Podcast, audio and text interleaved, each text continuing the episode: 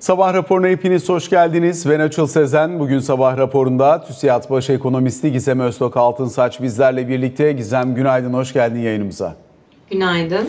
Üzerine konuşacağımız konular bugün Asya piyasalarından gelen önemli unsurlar var. Örneğin Çin'den gelen bir mortgage faizi indirimi, daha doğrusu mortgage faizlerinin aşağı gelmesini sağlayacak olan ve referans faizde indirim. Dolayısıyla bir parça belki bunun üzerine konuşmak gerekebilir. Diğer tarafıyla özellikle yılbaşından bu yana Amerika Birleşik Devletleri'nde para piyasası fonlarına akımın hızlanmaya devam ettiğini gözlemliyoruz. Dolayısıyla piyasada yoğun bir likidite var. Bu likiditenin e, nereye ne şekilde akacağı konusunda tartışmaların devam ettiğini gözlemliyoruz. Diğer taraftan yine özellikle bizim iç gündemimize dönüp baktığımız zaman ön plana çıkan yine önemli unsurlar var. Bunlardan bir tanesi mevduat faizlerinin geldiği düzey. Biraz bunun üzerine bir parça likidite çerçevesi üzerine konuşuruz. Yine aynı zamanda borç istatistikleri dün itibariyle geldi. Bir parça belki genel olarak kısa vadeli borç düzeyi üzerine de değerlendirme yapmaya çalışırız. Ee, özellikle piyasadaki likidite koşullarının nereden nereye geldiği tartışacağımız alanlardan bir tanesi. Bunun dışında da genel gündemdeki diğer konuları yer kaldığı ölçüde bir miktar değerlendirmeye çalışırız. Önce Çin konusunda var mı söylemek istediğin herhangi bir şey diye sorayım. Çünkü e, şu ana kadar Çin bankalarının mortgage faizlerinde bugüne kadar yapmış olduğu e, en yüksek referans faiz indirimiyle karşı karşıyayız. Dolayısıyla 5 yıllık oran 4.20'den 3.95'e indirilmiş oluyor. Gayrimenkul sektörü çok ciddi anlamda zorlandığı için biraz buraya destek. Yavaşlama da çok belirgin hale geldiği için acaba buradan bir çıkış olur mu umuduyla atılmış bir adım gibi görünüyor. Ne kadar işe yarar gibi durur. Aslında biraz geç kalıyor gibi Çin e, attığı adımlarda. Zaten kompleks bir durumu var. E, şimdi emlak piyasasında bu atılan adım hiç gelmemesinden daha iyi. Elbette ki hiçbir adım gelmemesinden ama unutmayalım ki Çin deflasyona giriyor ve iç talep hızlı soğuyor. Dolayısıyla e, adımın gelmiş olması pozitif ama yeterli olacağını zannetmiyorum. E, açıl çok şiddetli bir e, soğuma var gibi gözüküyor ekonomide. Aslında bir de şöyle bir durum var. Çeyreksel bazda bakıldığında tabii Çin datasına da ne kadar güveniriz o da zor ama ciddi anlamda böyle bir ivme kaybı e, olduğunu da biliyoruz. Bu yıl %4 ile çalışılıyor piyasada 4-4,5'la. Eğer bu üçlere doğru düşerse daha önce de konuşmuştuk. Global büyümeden 50 bas puan neredeyse siliyor. Yani dünya 3 büyüyecekse 2,5 büyüyor. 2,5 büyüyecekse 2 büyüyor. E, bu anlamda Çin mühim. E, adımların daha hızlı devamının geliyor olması lazım. Hiç yoktan iyi bence. Çünkü hiçbir şey olmayabilir diye de bekliyordu piyasa. Bence o anlamda hiç yoktan iyi. Ama yeterli gelmeyecek muhtemelen. Biz bu yıl Çin ve Avrupa'yı büyüme sahnesinden aldığı payda böyle aşağıya doğru gittiğini göreceğiz diye düşünüyorum ABD yükselirken toplamda. Peki şimdi yine Çin kaynaklı haber akışı da e, yoğun bir şekilde devam ediyor. Sadece bu kısmı değil ama özellikle Çin yeterli sıçramayı ve hızlanmayı gerçekleştiremediği için e, oradaki kapasite fazlası olan sektörlerden muazzam bir dünyaya akım olduğunu görüyoruz. Örneğin mesela Türkiye pazarını da etkileyen konulardan bir tanesi Türkiye'nin Çin'den bakır ithalatının artmış olması. Yine benzer şekilde cam ithalatının benzer şekilde artmış olması. Bütün bunlar piyasa üzerinde önemli fiyat etkileri yaratıyor. Evet burada biraz e, enflasyon düşürücü etki de yapıyor fakat buralardaki üreticilerin üzerinde de yoğun baskıyla e, bir tur daha karşı karşıya bıraktığını anlıyoruz. Ne dersin? Ben ham madde ithalatımızda zaten aramalı ithalatımızda çeşitli bahsettiğin e, emtialardan fiyat etkisinden dolayı bir düşüş var ve bu aslında Çin'deki yavaşlamadan kaynaklanıyor. Dünyadaki emtia fiyatları üzerindeki baskı. E, ama e, elbette ki dengeler bir miktar değişiyor. Çin'i biraz geriye saracak olursak aslında şöyle bir süreçten geçti e, büyümesi yüzde onlardayken bunun çok büyük bir kısmı 6 puan civarı yatırımlardan geliyordu. Yani 1-2 puanı ihracattan geliyordu. Aslında Çin gerçekten biz hep ihracatla büyüdüğünü e, ezber olmuş durumdadır ama düşünürüz. Çin aslında yıllarca yatırımla büyümüş bir ekonomi. Bunu da teknoloji açığını kapayarak, o sıçramayı yaparak gerçekleştirmiş bir ekonomi. Şimdi o çoktan kapandı. Ve biz son 5-6 yıldır Çin'in yeni bir hikaye yaratamayışından e, bahsediyoruz. O hikayeyi de Çin tüketime çevirmeye çalışıyor. Fakat görünen o ki hem çeviremiyor hem de deflasyona giriyor olması. E, tabii bu arada bize gösterilen datalar üzerinden konuşuyoruz. Yani Çin'e gidip de orada iş yapan insanlar oradaki vaziyeti böyle data konuşmaktan çok daha e, iyi telaffuz ediyorlar. O yüzden hani yanlış da bir şey söylemekten çekinirim burada sadece data bazlı konuşmak durumunda kaldığım için ama e, genel itibariyle o yapısının da e, değiştiğini görüyoruz. O üretim yapısı da örneğin belli bölgelerdeydi. Onu e, Çin e, bir takım politikalarla ülkenin başka kanallarına doğru aktarmayı tercih etti geçtiğimiz yıllarda da. Sonuç itibariyle Çin bir şeyleri başaramıyor. Çabası var ama bazı konularda geç kalıyor. Diğer taraftan da tüketimi canlandırmayı başaramıyor. Bir de Çin'in şöyle bir handikapı var. Ee, aslında biz şunu bekliyorduk değil mi Açıl? Çin bundan 10 yıl sonra, 15 yıl sonra global ekonomide ABD'nin önüne geçecek diye. Mesela bu senaryo bitti. Böyle bir senaryo çok beklenmiyor artık. Dolayısıyla Çin'in globalle de bir mücadelesi var. Aşırı entegre olduğu için. E, kendi içinde de talebi arttırma mücadelesi var. E, bu ikisi tam olmuyor gibi gözüküyor şu aşamada. E, dünyanın iki yanına baktığımızda yine de Çin'i azımsamam ben ama ABD'nin bu mücadelede öne geçtiğini düşünüyorum iki yıldır. Bu arada tabii şunu da belki söylemek lazım. Biraz uzun bağladım bu arada. Yo yo ben de bunun üzerine ekstra başka bir şey daha söyleyeceğim. Çin'in tabii bu yatırımla büyümesinin çok ciddi bir batı sermayesiyle finansmanı söz konusuydu. Dolayısıyla aslında 2009 krizinden itibaren dünyada dolar cinsi borcu en fazla artan iki ülke bir tanesi Çin bir tanesi Türkiye'ydi.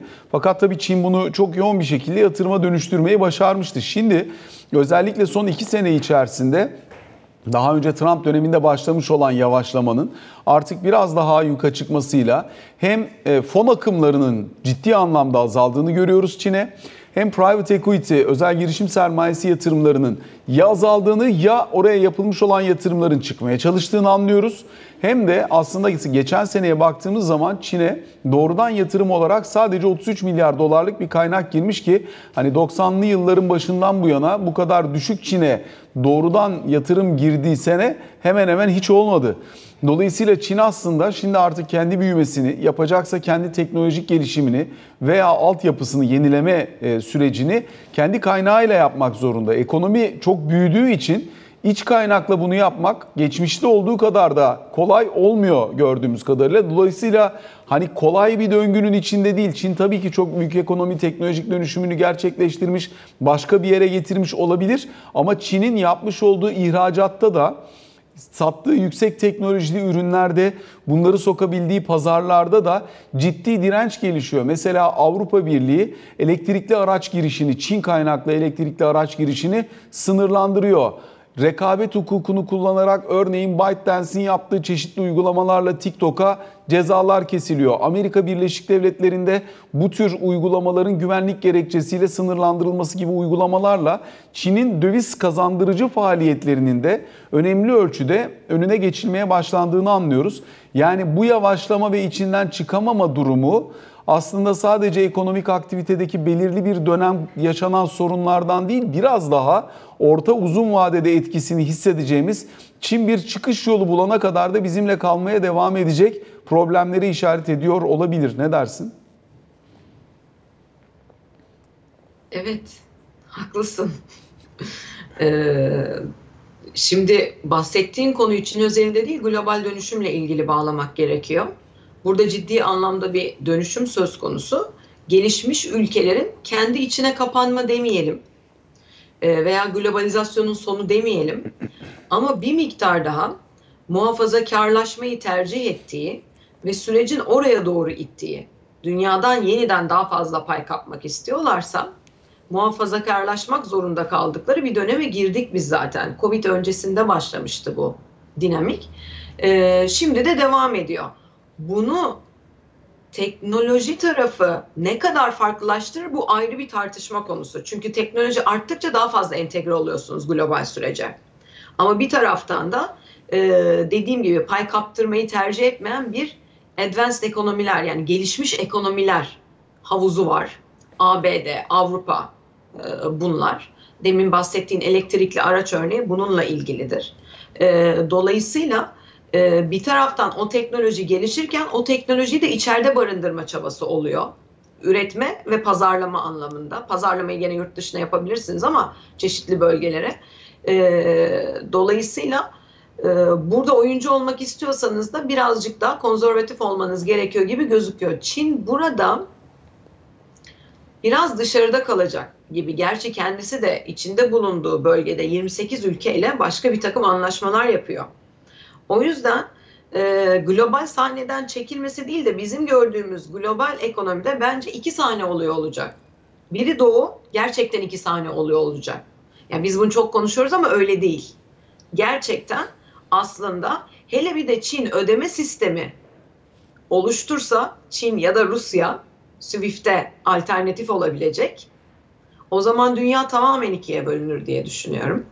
Ee, tek bir ödeme sistemine bağlı kaldığı için dünya hala daha böyle ABD'nin hegemonyasında gidiyor ister istemez. Ee, ama bundan sonraki süreçte bunlar olursa ikiye bölünmüş bir dünya göreceğimizi düşünürüm. Fakat gene de Çin'in şu anda görünen vadede e, yeni bir atılım yapacak gibi durması zor gözüküyor. Avrupa şöyle söyleyeyim e, maalesef gerçekten yaşlanmış durumda ve çeşitli hastalık emareleri görüyorsunuz Avrupa ekonomisinde. İçinden çıkmaya çabalıyor ama yapısal olarak orada da sorunlar var.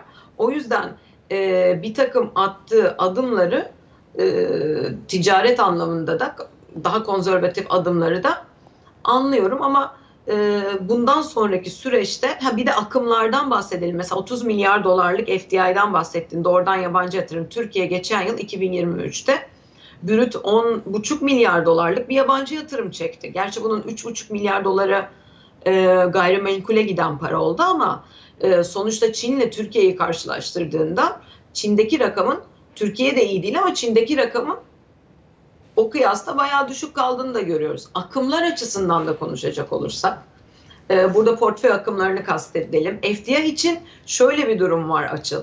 Hem büyüme vaat ediyor olmanız gerekiyor hem regülasyon ortamının destekleyici olması gerekiyor. PE için de aynı şey geçerli. E, özel girişim sermayesi için, private equity için. Dolayısıyla Çin şu anda bir büyüme vaat etmediği gibi acaba bu 2 mi olur, 3 mü olur, 4 mü olur tartışması dönüyor dünyada. Dolayısıyla emsallerinden büyüme farkı e, fazla değilse o zaman zaten yatırım çekemiyor. FDI için konuşuyorum şu anda. Doğrudan yabancı yatırım için. Kaldı ki Çin'i bir e, gelişmekte olan ülke evrenine de koymak bence hata bu anlamda. Burada e, büyüme farkları gelişmiş ülkeler lehine bu yıl. EMDM farkı kapanıyor. Bu da gene gelişmiş ülkeler lehine. Dolayısıyla sadece Çin özelinde değil, Çin bence bunun en kötüsüdür ama gelişmekte olan ülkelerin de düzgün bir e, doğrudan yabancı yatırım akımı çekip çekemeyeceğinden emin değilim. Portföy akımlarına gelince de geçen yıl Kasım Aralık'ta Türkiye'ye akım olurken dünyada da sağlam bir flow oldu. Ve Ocak Şubat'a baktığımızda dünyada şu anda IME olan akış gene yavaşlamış durumda hafif hafif. Türkiye'de de yavaşladı ama bu münferit yani kendi hikayesinden dolayı mı globalden dolayı mı bence o da sorgulanır. Portföy akımlarında da sanki İM büyüme farkı kapandığı için gelişmiş ülkelere kıyasla e, çok akım çekemeyebilir bu yıl. Bunu bizim ikinci yarı yılda bir daha konuşuyor olmamız lazım. İlk yarı yıl için bence böyle durum. Peki Gizem, Çin'in denklemde biraz daha dışarıda kaldığı, Rusya'nın tamamen denklemin dışında kaldığı bir ortamda daha önceki yıllarda gelişen ülkelere fon akımı olduğu dönemlerde biz BRICS ağırlıklı olarak görürdük. Yani Brezilya, Rusya, Hindistan, Çin bu ülkeler içerisinde iki büyük oyuncu devre dışı kalıyorsa gelişen ülkelere varlık alokasyonu buradan nasıl etkilenebilir? Acaba o varlık alokasyonunda bir miktar daraltması beklemek gerekir mi? Yoksa diğerlerine benzer ölçüde kaynak girişi eşit dağılım prensibi ya da daha ön plana çıkan prensip neyse ülkeler arasında e, onun lehine olacak şekilde benzer miktarlarda mı kalır? Şimdi öncelikle bu bahsettiğin evrende e, demografik yapısı son derece güçlü. Bu dört ülke artık BRICS diye bir şey kalmadı tabii tanım olarak ama e, o dönemde yüksek büyüme potansiyeli olan ekonomiler için ve e, demografik yapısı buna uygun olan ekonomiler için kullanılan bir terimdi. Bunların içinde Hindistan şu anda çok parlak. E, dolayısıyla oradaki alokasyonun hepsini Hindistan'a e, kaydırırlar gibi bir düşüncem yok. Bence IM alok yani alokasyonda DM IM'e kıyasla bir kademe daha öne çıkıyor bu yıl diye düşünüyorum. Ama IM içinde de e, Hindistan son derece e, güçlü e, gözüküyor.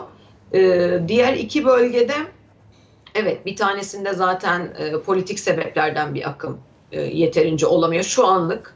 İlerisinde bilmiyoruz bu arada. Diğerinde de büyüme hikayesinden olamıyor. Hindistan aldığı payı arttırır ama EMDM alokasyonunda bence gelişmekte olan ülkelerin ağırlığı azalır. Azalıyor ee, bu yıl. Dediğim gibi bu daha çok o iki bahsettiğin bölgenin hikayeden çıkmasından ziyade toplam gelişmekte olan ülkeyle gelişmiş ülke büyüme farkının kapanması da rol oynuyor. Yalnız şunu da söyleyeyim açıl. Evet flow anlamında şu anda Rusya denklemden çıkmış gözüküyor ama Rusya global hikaye yazımında örneğin Avrupa'nın yavaşlamasında denklemdeki birinci oyuncu. Sebep olarak Avrupa'nın yavaşlaması da demeyeyim. Resesyon devam ediyor. Yani ABD büyüme verileri yukarı revize edilirken şu anda Avrupa 2024 büyüme rakamlarının bir kısmı aşağı revize ediliyor. Hatta yeniden bir daralma dahi söz konusu olabilir Almanya'da. Almanya'da ee, dün Bundesbank'ın açıklaması var. Bize göre resesyonda Alman ekonomisi diye. O açıklamayı kaçırdım ama bana göre Alman ekonomisi çok uzun süredir resesyonda zaten. Bundesbank beni takip etsin diyorsun. Peki devam edeyim burada. Yani bence öyle de e, yani 2000 e, bu arada bunu datalardan e, görüyorsun da teknik bir açıklamadır. Açıklamayı görmedim. O yüzden üzerine e, yorum yapıp hatalı bir şey söylemek istemem. Ama şu mesela yanlış bir tahmin de e, IMF'in de yaptığı, OECD'nin de yaptığı. Daha 2024'e girerken Almanya'nın kendini çok kurtaramayacağı belliydi.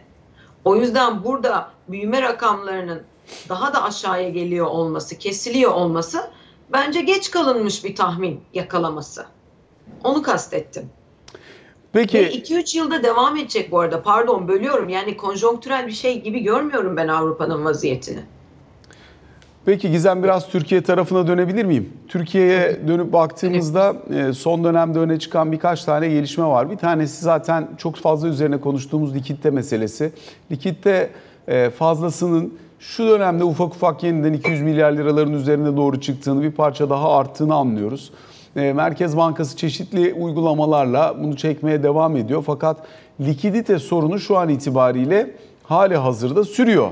E, dolayısıyla burada e, piyasa dinamiklerini veya aktarım mekanizmasını eskisi kadar bozmasa bile bu likidite fazlasından kalıcı olarak kurtulmak ne kadar vakit alacak ya da hangi yolla? Şöyle şimdi KKM dönüşleri de olduğu müddetçe ve bankaların aslında mevduat toplayayım, kredi vereyim süreçleri de sekteye uğradığı müddetçe bence dönem dönem likitte fazlası ortaya çıkacaktır. Ee, bu süreç tamamlandığında belki e, daha rayına girer. Dolayısıyla sürekli olarak ince ayar, likitte yönetiminde ince ayar yapılması gereken bir dönemdeyiz. Bu ayarlar geliyor, bazen gecikmeli geliyor, bazen doğru yönlendirmeler oluyor. Ee, sürekli olarak piyasada bunun devam ettiği bir süreci bence göreceğiz. Çok böyle Merkez Bankası'nın düşündüğü kadar geçici mi oluyor? Yani şu anki likitte sonuçları çok tam öyle değil. Hala da piyasada biz bunu konuşuyoruz ve bu şöyle önemli. Aslında açıl e, şunu da unutmayalım. Evet biz likitte yönetiminden bahsediyoruz ama e, ve yükselen bir faiz de var. Fakat monetizasyon da çok yüklü. Türkiye'de yani parasal genişleme var. Bu biraz fiskal kaynaklı. Ee, toplamda bakıldığında biraz böyle sokak ağzıyla konuşacağım ama e, para var piyasada. Vaziyet böyle olduğu için de e, böyle likit yönetim bunun mikro kısmı. Ben hani toplam resme bakacak olursam e, yeterince sıkı gözükmüyor politikaların toplamı. Seçim sonrasında daha sıkılaşmasını bekliyor musun peki? Öyle bir söylenti var evet. yani bekliyoruz yönlendirmeler o şekilde olduğu için ama şöyle de bir problem var. Yani bunu biz ne kadardır konuşuyoruz? En başından beri konuşuyoruz. Hatırlıyorum Temmuz Ağustos'ta da konuşuyorduk. Ama Otorite- seçim bitmedi ya ondan dolayı kalmaya devam ediyor olabilir? Evet, seçim Mart'ta yani. Sen sen ne kadar konuşursan konuş seçim orada bitiyor. Şimdi şöyle bir durum var. Bunu iki ay konuşmak başka bir şey, sekiz ay konuşmak başka bir şey. İki ay öne çekilmiş talep yaratırsınız. Sekiz ay boyunca öne çekilmiş talep yaratırsınız. Dolayısıyla gene zamanda tutarsızlık oluyor. Sözel bir yönlendirme var. Yani şöyle oluyor. Yapacağınız zaman söyleyin ya da söylediğiniz zaman yapın. Sürekli bu şekilde yönlendirme yaptığınızda bak şimdi ne oluyor? Ba- Bankalar limitlere e, önlem gelecek diye kendilikle, kendilerinden limit arttırmaya başlıyorlar müşterilerine önden. E bu böyle olunca yani tercih edersiniz etmezsiniz. Müşteri bunu kullanıyor veya kullanmıyor. E bakıyorsunuz Merkez Bankası tarafına limitlerle ilgili e, enflasyon raporu içinde de var. Yüklü limitlerin bir kısmının kredi maksatlı kullanıldığı yani borçlanma maksatlı kullanıldığı bir kısmı gerçekten harcama maksatlı kullanıldığına dair bir çalışma var. Demek ki kredi maksatlı kullanılmasını tercih etmiyor. Buraya bir adım hazırlığı içinde. Veya artık hani seviyesi tabii e, geçim sıkıntısı olan vatandaşların kullandığı seviyeden değil de gerçekten ekstra talep yaratan bir e, yüksek limitlerden bahsediyorum. Kaldı ki orada da şöyle bir problem var. Anadolu'da insanlar bu kartlarını ticarette kullanıyorlar yüksek limitlere. Kredi bulamadıkları dönemlerde. Onu nasıl ayarlarlar ya da bilemiyorum nasıl yaklaşımı merkezin o konuya ama o bende bir soru işareti yaratıyor. Onun dışında taksitlendirme, diğer konular e, bunların hepsine önlem gelecek ama ben sana net söyleyeyim. Ocak ayında gerçi çok böyle iddialı da konuşmak hatalı ama bildiğimiz kadarıyla sahada perakende aralığa göre daha güçlü. Şubat da kötü gitmiyor. Dolayısıyla gerçekten öne çekilmiş bir talepte oluşmuş durumda artı ücret artışlarından dolayı da oluyor. Çünkü 3 ay sonra cebinizdeki paranın e, bir fayda etmeyeceğini düşünüyorsanız bu oluyor.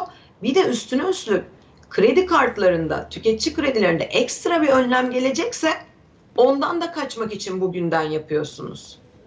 E, seçim sonrası dönemde adımlar bekliyorum ama e, dediğim gibi e, bu bahsettiklerim de gerçek.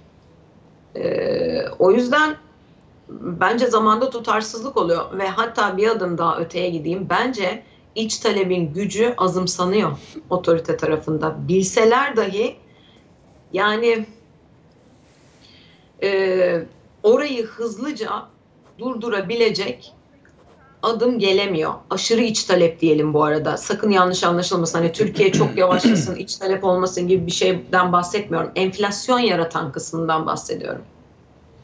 Peki bir de son e, borç istatistikleri geldi ya kısa vadeli borç bunun çevrilmesiyle ilgili e, veriler, istatistikler. Hani böyle baktığımız zaman kabaca 226 milyar dolar civarında bir e, dış borç servisi yükümlülüğü var. E, işte işin içerisinde cari açık var, diğer unsurlar var. E, fakat bir yandan da borçlanmalar yoluyla borç çevirme rasyosu yükseldiği için bunun önemli bir kısmının rahatlıkla çevrildiğini anlıyoruz. Bir yanıyla yine baktığımızda hakikaten belirli bir e, alacak, borç alacak ilişkisi e, buradaki şirketlerin ya da buradaki varlıkların yurt dışındaki karşılıklarıyla, oralarla yapılacak olan işlemlerle ya da daha önce yapılmış işlemlerle e, de oluşmuş durumda. Dolayısıyla Yani bunun üzerine çok tartışılıyor. Konuyu derinlemesine bilmediğin zaman e, bu kadar borç işte yıl içerisinde 135 milyar dolar falan diye konuşuluyor finanse edilmesi gereken açık döviz açığı vesaire falan diye ama hani e, Türkiye'de borç uzun yıllarca çok rahatlıkla çevrilebildi. Hele ki bu dönemde sendikasyonlarla veya diğer e, çevirme imkanlarının kullanılmasıyla çok rahat rahat e, döndü Türkiye'de borç bugüne kadar. Bundan sonrası için var mı o tarafta herhangi bir endişen? Hani Mart, Haziran, Ağustos ve Kasım'da yüklü borç ödemeleri var çünkü. Evet, dış borç servisi o aylarda yüksek. Şimdi dış e, toplam dış finansman ihtiyacındaki kalemlere bakacak olursak bunlardan bir tanesi bir yıla düşen iç borcunuz. E, özür diliyorum. Bir yıla düşen kısa vadeli dış borcunuz. Zaten bahsettiğin 226 milyar. Fakat bunun dediğim gibi e, hemen hemen tamamı çevriliyor. Bir problem yaşanmıyor. E, normalde bu rakam 100 milyar dolar civarlarındaydı. Bundan 6-7 yıl evvel. Bu giderek böyle artıyor. Bir sebep de tanımının değişiyor olması. Bazen böyle etkiler de oluyor. Yani cover ettiğiniz tarih biraz daha farklılaşınca o borç stoğu da birazcık artıyor. Bu temel sebep değil ama bunun da etkisi olabiliyor. E, artı şeyi çok anlamadım. E, çevirmemiz gereken para 135 milyar. Yok yok döviz ihtiyacı olan kısmı. Hayır değil öyle değil. e, şimdi kısa vadeli koymanız gerekiyor. Brütten bahsediyorum. Brüt dış finansman ihtiyacından 200 milyar dolar diyelim. Demin konuştuğun rakam 200, 226. 226 milyar.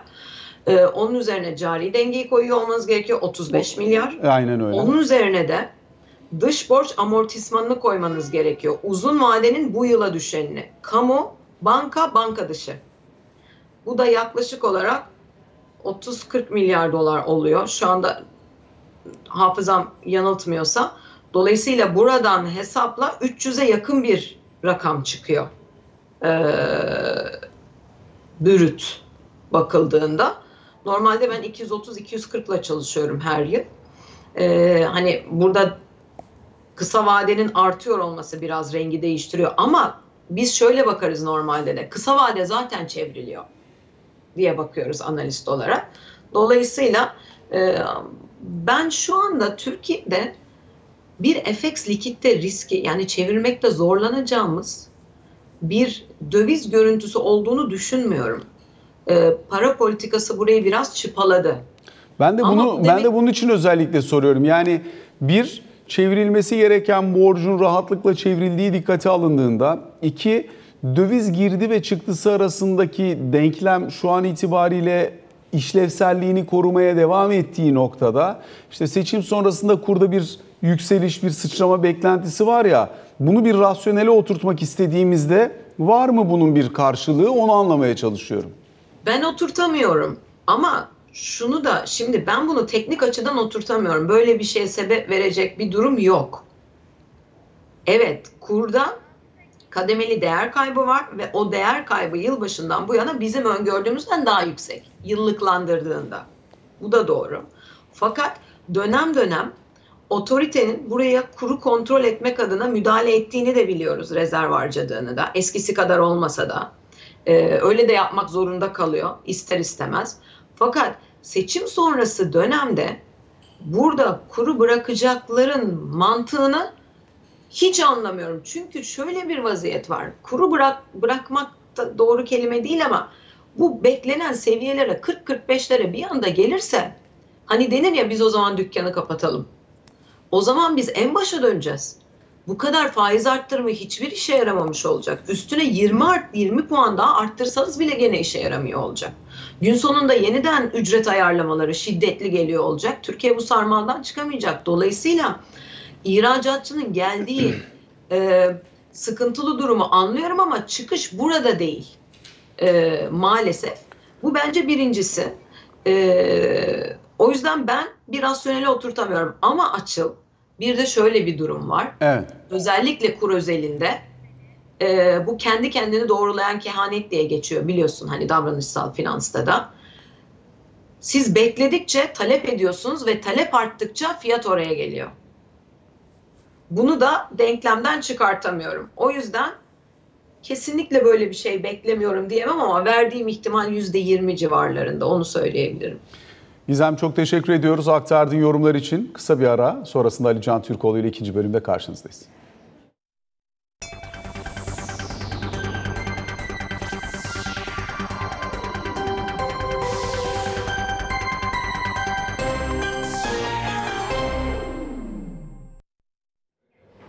Sabah raporunun ikinci bölümünde Ali Can Türkoğlu ile birlikteyiz. Ali Can günaydın. Günaydın.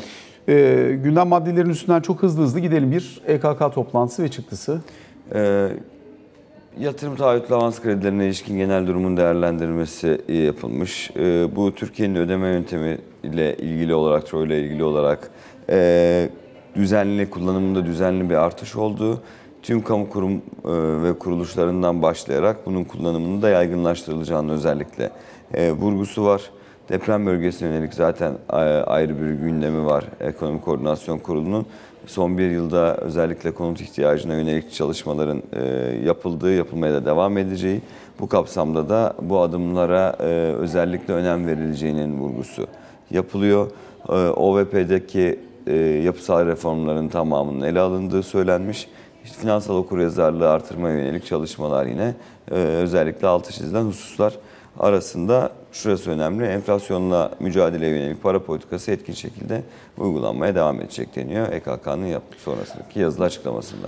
Dün Vladimir Putin'in açıklaması var. Ee, özellikle işte Rusya'nın e, dünyaya enerji sağlamadığından bahsediliyor fakat biz sağlamaya devam ediyoruz. Örneğin Türkiye hattı üzerinden sağlanan gaz akışı diyerek Türkiye'ye de vurgu yaptığı açıklamaları var.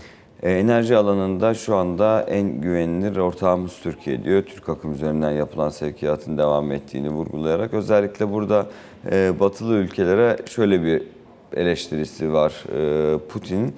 Rus gazı almaya bırakarak Rusya ekonomisine zarar vermeyi denediler. Ancak bu süreç tamamen tersine işledi. Bunun aynısını Ukrayna ile varılan mutabakat sırasında da e, yaptılar diyor. Yani İstanbul'da varılan mutabakatta normalde bir buçuk sene öncesinde e, barış yoluna girilebilecekken Ukrayna yine aynı ülkelerin e, düşüncesine, yoluna girip bu mutabakattan vazgeçti. Hem enerji konusunda hem diğer siyasi konularda e, batılı ülkeleri eleştiren bu arada da özellikle enerji gündeminde de Türkiye'ye öven açıklamalar. Ya burada şöyle bir durum var. Muhtemelen Mart ayında yapılacak e, Türkiye ziyaretinde zaten enerji konusundaki yeni işbirliklerinin konuşulacağını biliyoruz. Bununla ilgili bir e, ön açıklama olarak da algılanıyor Ankara'da. Peki devam edelim. Özellikle İsrail, Amerika Birleşik Devletleri ve buradaki çözüm sürecine ilişkin ortaya konulan taslak üzerine de bir miktar değerlendirelim. Şimdi Amerika Birleşik Milletleri bir taslak sundu. Bahsettim budur diye tahmin ediyorum. İlk kez ateşkes kelimesinin geçtiği bir e, ta- taslak ama şöyle bir e, ince ayrıntı var. Tüm esirlerin serbest bırakılması halinde devreye girecek geçici bir ateşkesten bahsediliyor. Bunu özellikle sunuyor Amerika Birleşik Devletleri Birleşmiş Milletler Güvenlik Konseyi'ne. Ee, özellikle refahla ilgili e, cümleler çarpıcı bence bu taslaktaki mevcut koşullarda refaha yönelik saldırılar, yapılacak herhangi bir saldırı sivillere çok büyük zarar verecektir ve ciddi bölgesel sorunlara ve güvenlik sorunlarına yol açabilecektir. Bunun gerçekleşmemesi lazım diyor Amerika ve tüm esirlerin serbest bırakılması halinde e, bir an önce uygulanacak bir geçici ateşkesinde e, özellikle e, söylendiğini, altı çizildiğini ve ateşkes kelimesinin de aslında bir resmi bir yazışmaya, bir tasarıya, bir taslağa ilk kez eklendiğini görüyoruz. O açıdan önemli. Ancak dinlenecek mi, dinlenmeyecek mi ona bakacağız. Çünkü dün sabah da seninle konuşmuştuk. İsrail Savaş Kabinesi'nde eski e, Savunma Bakanı 10 Mart tarihine kadar işte Filistin'e süre, Hamas'a süre veriyoruz. E, Esirler serbest bırakılmazsa operasyon başlıyor demişti. Biraz sıkıntılı bir süreç içerisinde aslında bu konu yine. Peki yerel seçimlerle ilgili tartışmalar da devam ediyor. Son olarak Cumhuriyet Halk Partisi'ndeki en önemli tartışma konularından bir tanesi Hatay Büyükşehir Belediye Başkanlığı için adayın kim olacağıydı. Lütfi Savaş'la devam edilmiş. Ve çok ilginç gelişmeler yaşandı gerçekten Cumhuriyet Halk Partisi'nde son birkaç gündür. Ee, özellikle Hatay konusunda e, bizzat CHP yönetiminden gelmişti. Adayın değişme ihtimalinin olduğu önce anketlere bakılacak dendi. Daha sonra da aday tanıtım toplantısında da Lütfi Savaş'ın çağrılmadığını veya gelmediğini Ee, ve devamında da yine CHP yönetiminden e, bu isimle ilgili değişiklik kararının alınmak üzere olduğu, resmen alındığı söylenmedi belki ama e, aday değişiminin düşünüldüğü söylenmişti. Dün gece itibariyle, dün önce bir görüşme yapıldı. Lütfü Savaş'la Özgür Özel arasında. E, sonrasında da gece saatlerinde tekrar bir görüşme yapılarak yola devam kararının alındığı resmen bildirilmiş. İstanbul'da iki değişiklik var. Esenyurt ve Güngören adaylarını değiştirdi Cumhuriyet Halk Partisi. Ama bu arada e, aday gösterilmeyen belediye başkanlarının da Cumhuriyet Halk Partisi üzerinde söylüyorum farklı kararlar aldıklarını görüyoruz. Şimdi onlara bakıyordum. Mesela İzmir Dikili'de e, de Kemal Doyuran bağımsız belediye başkan adayı olmuş. E, aday gösterilmeyen bazı isimlerin yine bağımsız belediye başkan adayları olduğunu görüyoruz. Tarsus Belediye Başkanı mesela CHP'den istifa etti ve Memleket Partisi'nin adayı oldu. Artvin Belediye Başkanı İyi Parti'nin Artvin Belediye Başkanı adayı oldu. E, Çukurova Belediye Başkanı adına e, İyi Parti'nin adayı oldu gibi. Dolayısıyla e, bugün saat 17'ye kadar il ilçe seçim kurullarına zaten listeler verilecek. Farklı başka yeni değişiklik olacak mı? Bunları da göreceğiz. Geçici aday listesi e, 23 Şubat, kesin liste 3 Mart'ta açıklanacak. Aday listelerinde eksiklikler varsa Perşembe'ye kadar da bunlar tamamlanacak. Yani en azından soru işaretleri kayboldu. Şimdi üzerine yeni tartışmalar olacak mı? Bunları göreceğiz. Teşekkür ediyoruz teşekkür ederim. Böylelikle sabah raporuna son noktayı koymuş oluyoruz. Hoşçakalın.